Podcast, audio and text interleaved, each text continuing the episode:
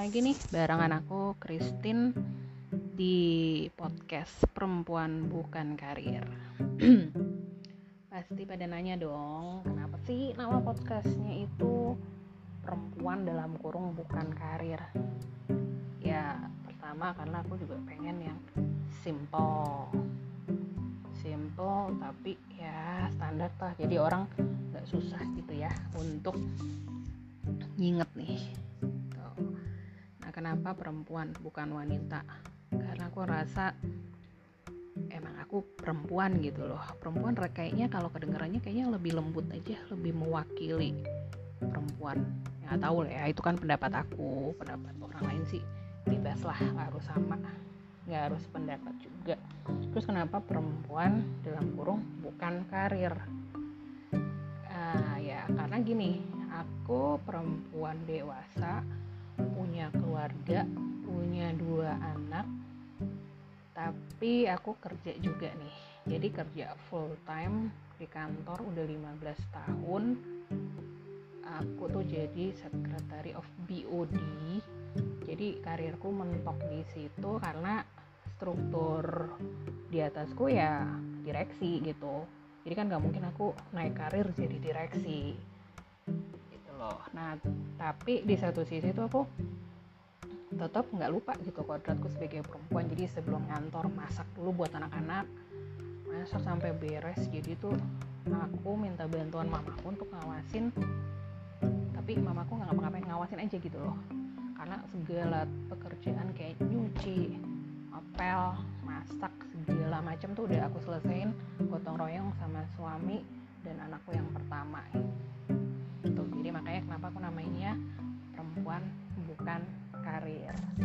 so kita bisa ngomongin apa aja di podcast ini? Nggak harus ngomongin karir nggak harus ngomongin gender sebagai perempuan. Bisa aja kita ngomongin tentang keluarga kejadian lagi yang lagi booming hari ini. Dan bisa ngomongin segala sesuatunya. Nah aku tuh lagi buat segmen judulnya tuh ngopi yuk. Nah, kenapa ngopi yuk? Karena kalau kita lagi kongko sambil ngopi duduk bareng-bareng kita bisa obrolin apa aja. Nah aku juga nih di segmen ngopi yuk kita bisa ngobrolin apa aja yang terjadi hari ini. Oke kita mulai aja. Nah aku pengen bahas tuh berita yang lagi booming nih hari ini nih. Um, ya lagi lagi booming banget nih yang fresh from the oven tuh ya udah pada tahu dong PPKM diperpanjang. Cuman beda level nih levelnya level 2 dan 3 untuk area Jawa Bali. Uh, jadi dengan level yang level 2 dan 3 ini bioskop udah boleh dibuka ya katanya Pak Luhut ya. Ya semoga sih ini bisa jadi geliat yang positif ya buat perekonomian kita saat ini terus kalau mau sih udah udah dibuka ya. Sejak uh, ppkn eh ppkm jadi ppkn gua. Sejak ppkm ke dua minggu yang lalu ya. Jadi mall udah bisa masuk. Cuman ya anak 12 tahun ke bawah nggak bisa masuk. Dan yang dewasa tetap harus scan QR code peduli lindungi. Ya uh, aku pikir sih aku setuju ya ini salah satu program pemerintah untuk bisa mendeteksi mana yang sudah vaksin dan mana yang belum vaksin. Kalau lihat dari pola hidupnya masyarakat Indonesia kan hobi nge-mall ya. Nongkrong bareng teman aja di kedai kopi yang ada di dalam mall gitu. Jadi buat mereka gila gue nggak bisa ke mall nih. Kudu vaksin kudu vaksin. Makanya rame-rame ini pada ngejar vaksin walaupun pada ngejar pada udah bisa milih nih. Kalau dulu kan mau nggak mau kita harus vaksin. Ada yang cuma Sinovac mau nggak mau Sinovac. Atau adanya AstraZeneca ya kita AstraZeneca. Nah sekarang bisa Moderna Morde, Moderna terus apa Pfizer ya. Terus katanya ini ada masuk lagi Johnson and Johnson. Oke, selain PPKM apa lagi nih yang lagi booming saat ini nih ya? kalau dari situs berita yang lagi familiar itu kasus istri Siri yang minta cerai dari suaminya. Wow nikahnya Siri tapi minta cerai. Dokumennya apa ya kira-kira ya? Eh sorry sorry. Bukan nyinyir bukan. Cuman penasaran aja gitu loh.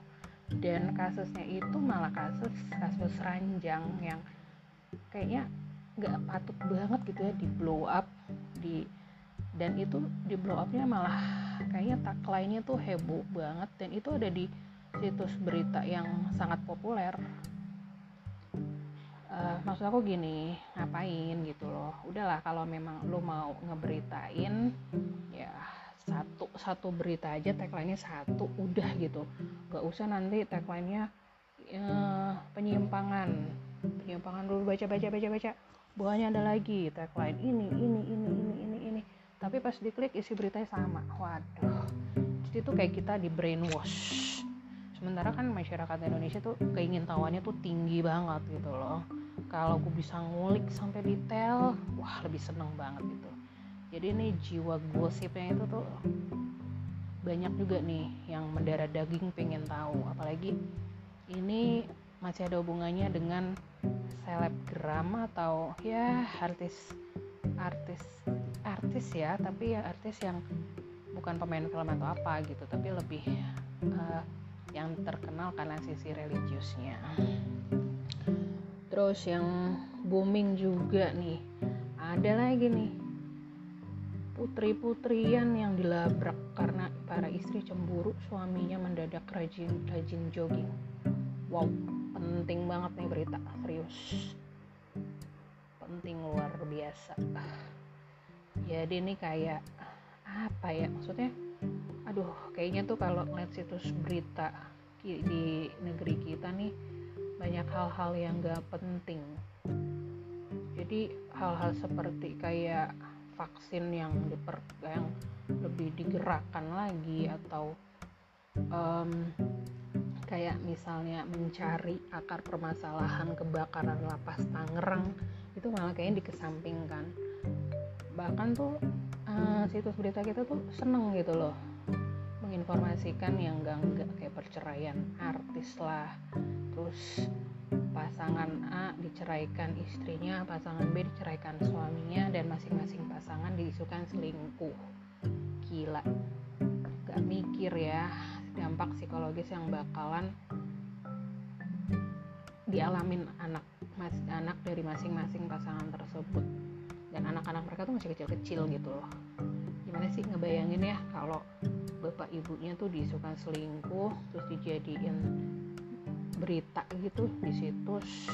Nah kita tahu kan kalau kita misalnya nih akun kita nggak buka situs itu otomatis medsos kita nih dia juga akan ngedetect juga. Jadi begitu kita buka akun medsos kita berita yang sama akan muncul. Bosan kan? Iyalah bosan aku sih lebih senang nyari berita yang benar-benar menurut aku ini pantas nih diapresiasi gitu loh. Jadi e, berita yang penting banget jadi ketutup sama berita yang tidak penting gitu loh. Yang menurut aku penting nih saat ini tuh kita harus cari tahu tuh kenapa lapas Tangerang tuh bisa kebakaran dan ada yang meninggal. Ya selain karena over capacity juga instalasi listrik yang nggak pernah di maintain kesalahan-kesalahan tuh yang gila terjadi sekelas di lapas yang sekelas lapas gitu loh lapas yang dikelola oleh negara.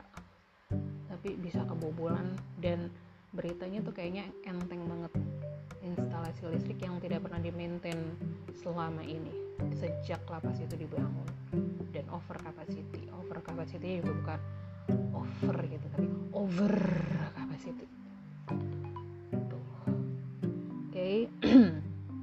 nah terus ya yang berita positif nih ya ini nih. Nah, kasus covid itu turun tapi tetap kita nggak bisa euforia ya karena ya namanya juga virus ada mutasi-mutasinya. Kalau kita lengah sedikit ya udah bisa aja kayak aku nih aku sekeluarga udah udah ngalamin positif covid dan kita penyintas ya bisa dibilang penyintas covid.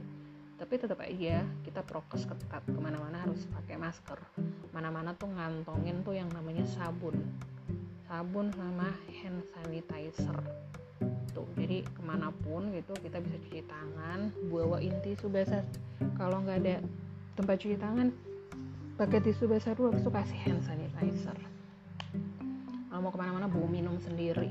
Jadi kalau di mobil itu tuh ada empat orang yang jalan berarti ada empat botol yang isinya air mineral supaya kita tuh nggak perlu jajan. Ya seminim, kita seminimal mungkin lah mengurangi kasus penularan kasus covid. Oke nah apalagi nih? Oh iya nih pelajaran tatap muka nih juga lagi rame tapi kurang di blow up nih sama situs berita. Padahal tuh penting banget. Sebenarnya gini loh anak-anak itu udah bosen banget sekolah secara online. Bosen.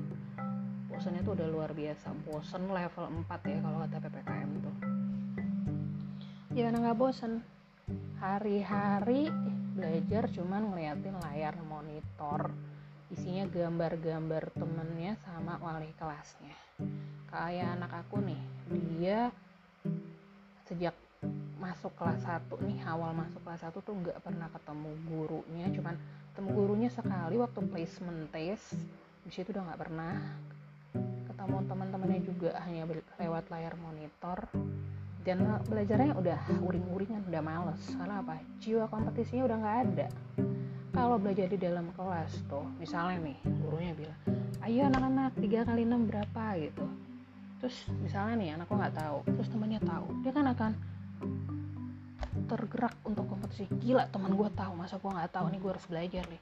Nah kalau misalnya belajar online kan jadi kayak misalnya nih gurunya nanya di layar terus temennya ada yang ngomong 6 kali 3 berapa nih? kata gurunya. Terus temennya ngomong dong 18 ngomongnya pelan ada yang denger akhirnya rame-rame jawabnya 18 padahal belum tentu yang lainnya tahu Nah, satu yang kendala lagi nih pelajaran bahasa asing. Anakku tuh dapat Mandarin. Mandarin, wow. Mandarin itu benar-benar kalau misalnya mereka belajarnya secara online itu sih nggak bakal ngerti serius karena apa Mandarin yang aku udah pernah pelajari di bangku kuliah. Mandarin itu cara nulis Hanzi aja ada langkah-langkahnya nggak asal nulis. Nah kebetulan kalau kakaknya kan memang udah dari TK juga sama nih belajar Mandarin dan udah tatap muka langsung sama gurunya, udah tahu uh, langkah-langkah nulis Hanze, terus ngucapin nada pininnya gitu loh, udah udah ada ilmu lah walaupun belum pro. Jadi kalau anakku yang kedua ini belum gitu loh, jadi benar-benar buta sama sekali. Jadi dia kalau nulis Hanze tuh kayak ngelukis, ya jelas salah lah. Itu tuh. Terus kalau English sih English mah udah umumnya sekarang anak-anak sekarang mah udah rata-rata udah cacis cus. Jadi paling yang susah itu memahami itu tenses maksudnya mereka belajar apa ngomong sehari-hari lancar gitu loh percakapannya bahasa Inggris. Tapi begitu dikasih tenses kayak orang bingung nih. Anak anakku yang pertama lagi belajar present perfect continuous tense. Yes. Oke, terus ya gitu deh. Jadi aku yang setengah mati nih. Kalau bahasa asing aku yang ngajarin. Mandarin karena hokinya aku pernah dapet di bangku kuliah selama 3 tahun jadi aku paham. Cara baca, nadanya, terus langkah-langkah nulisnya. Cuman yang ngomong sih nggak cas Yesus kayak orang Tionghoa enggak, tapi paling nggak ngerti lah kayak Wose Christine, Wote Pengyao kayak gitu-gitu. Ya yang standar-standar lah. Nah, nah ini nih yang jadi masalah lagi nih anak-anak kelamaan online tuh jadi pada belajar tricky jadi melek teknologi tapi di satu sisi jadi tricky kenapa tricky orang lagi zoom mereka bisa loh main game bisa loh sambil waan tinggal pasang background foto mereka yang seakan-akan real udah. Anakku nih yang pertama di tengah zoom bisa main sepeda sama temennya. Atau main game buat konten. Wow. Ditambah nggak ada yang ngawasin karena kan mereka tuh uh, aku dibantu mamahku ya buat ngawasin ngawasin aja karena segala sesuatu ya udah beres deh. Ngawasin cuman ya namanya old generation ya mamaku itu mana ngerti anaknya buka YouTube apa Zoom buat konten apa ngapain gitu. Yang penting ada suara guru sama temen-temennya oh cucu gue Zoom nih. Perkara bener apa enggak? Who knows? gitu loh. Nggak tahu. Dan anak-anak nih ngeliat wah oma nggak tahu nih. Makin tricky aja. Jam makan siang kalau dipanggil suruh makan ngomongnya apa? Masih zoom oma. Masih ada tugas oma. Ah, akhirnya ini namanya juga cucu ya sayang dibawain lah makanan ke meja belajar yang which is aku tuh nggak pernah ngajarin anak-anak tuh makan di depan meja belajar apalagi pada saat belajar. Makan ya makan di meja makan. Nah ini nih dampak lagi nih. Salah satu dampak nih yang paling berasa sekarang tuh anak-anak sekarang jadi gampang ngebohong terus tata cara komunikasi itu jadi apa ya sopan santun dalam berkomunikasi itu kurang karena terbiasa melihat online, lihat internet. Jadi kayak mereka itu menonton visual aja tapi conversationnya tuh jarang. Jadi kayak misalnya diajak ngomong, dek hari ini belajar apa? Hah? Apa? gitu padahal denger tapi cara jawabnya tuh jadi ngeselin gitu loh kalau zaman kita dulu kan kalau orang tua udah ngomel nadanya di tengah-tengah antara tinggi sama rendah kita udah langsung ngeh nih wah gila nih nyokap gue ngomel nih gue kudu ngapain nih biar nyok ngomelnya reda kalau ini enggak. Malah malah nantangin. Ya udah tadi nih pas pulang ngeliat nilainya nilai kuisnya pada jelek dua kontennya aku hapus aja. Ini buat pelajaran biar gimana pun kamu itu pelajar tugas utama kamu belajar bukan buat konten jadi biar mereka paham juga nih belajar. Nah balik lagi nih ke PTM pelajaran tatap muka. Ini sekolah-sekolah ini udah pada menerapkan prokes. Bahkan ruangan kelas aja ditata sedemikian rapi satu kelas itu cuma ada 10 orang dan masing-masing meja tuh dikasih kayak mika ya keliling. Itu dan anak tuh wajib pakai masker ya itu udah udah jadi standar prokes ya. Dan semoga sih semua sekolah benar-benar ngawasin. Jadi bukan judulnya doang prokes tapi di dalamnya ternyata prokesnya lalai gitu. jangan sampai deh. Karena apa? Masyarakat kita tuh euforia banget. Udah turun nih kasusnya. Wah sekarang tukang-tukang gorengan aja nggak pakai masker. Tukang bakso nggak pakai masker. Aku sih terus terang ya kalau biarpun aku langganan nih baksonya enak aku lihat dia nggak pakai masker ogah beli. Serius deh. Ya aku tuh ogah beli. Udah deh jangan dah. Soalnya apa? Selain kita nggak aman orangnya juga bakalan nggak aman. Itu uh, maksudnya tukangnya. Karena kan kita nggak tahu mungkin aja dari orang lain dia bawa virusnya kita nggak tahu sih. Cuman ya aku sih cukup berterima kasih juga sama pemerintah karena benar-benar udah mau berusaha keras untuk menurunkan kasus COVID-19 ini.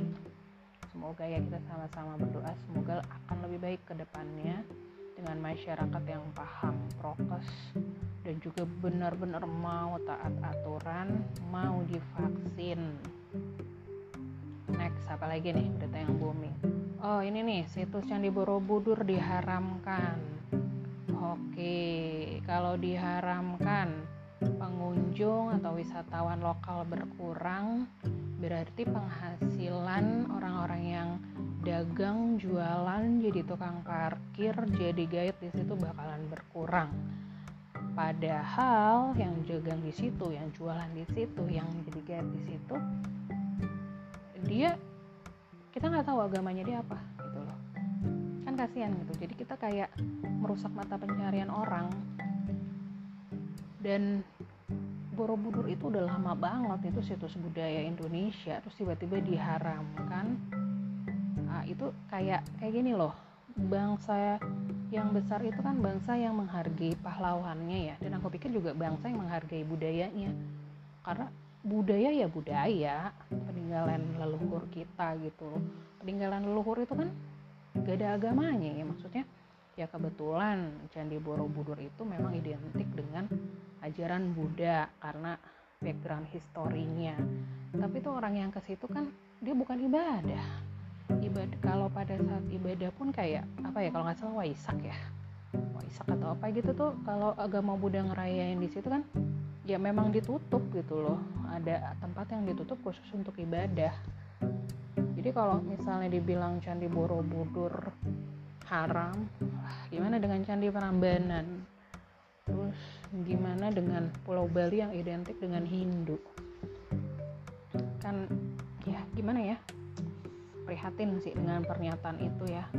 Maksudnya nextnya kalau buat pernyataan tolong lebih dipikirkan lagi gitu loh. Maksudnya ya, susah komen ya karena ini ber, benda apa berkaitan dengan kepercayaannya orang tersebut dan kita nggak bisa memaksakan lo harus sependapat sama gua. Kita harus ingat nih kita tetap bineka tunggal ika berbeda-beda tetapi tetap satu. Jadi kalau pendapatnya dia bilang candi borobudur haram ya udah gitu. Gua nggak bisa maksain hei hei nggak haram nih. Nggak bisa juga. Tuh nah itu udah ya kayaknya yang lagi booming itu aja sih nih di situs berita nih. Soalnya nyari ke situs berita mana pun beritanya sama. Ya semoga berita-berita yang ada apa pun bentuknya mau negatif mau positif tetap kita ambil nilai-nilai positif yang bisa kita jalankan dalam kehidupan kita sehari-hari dan tidak merugikan orang lain. Kalau sifatnya gosip ya udah dijauhin lah dari kehidupan kita supaya gak jadi dosa juga buat kita gitu. Dosa kenapa? Ngegosipin orang udah nggak kenal sok tahu terus digosipin yang enggak enggak wah itu sih dosa double deh kalau menurut aku. Oke deh kah, itu aja ya segmen ngopi yuk kita hari ini. Semoga kita nextnya bisa ngobrol hal-hal yang lebih komunikatif atau mungkin ada opini atau ada pendapat mau ngobrolin tentang apa boleh masih barengan aku Christine. Yuk, selamat malam.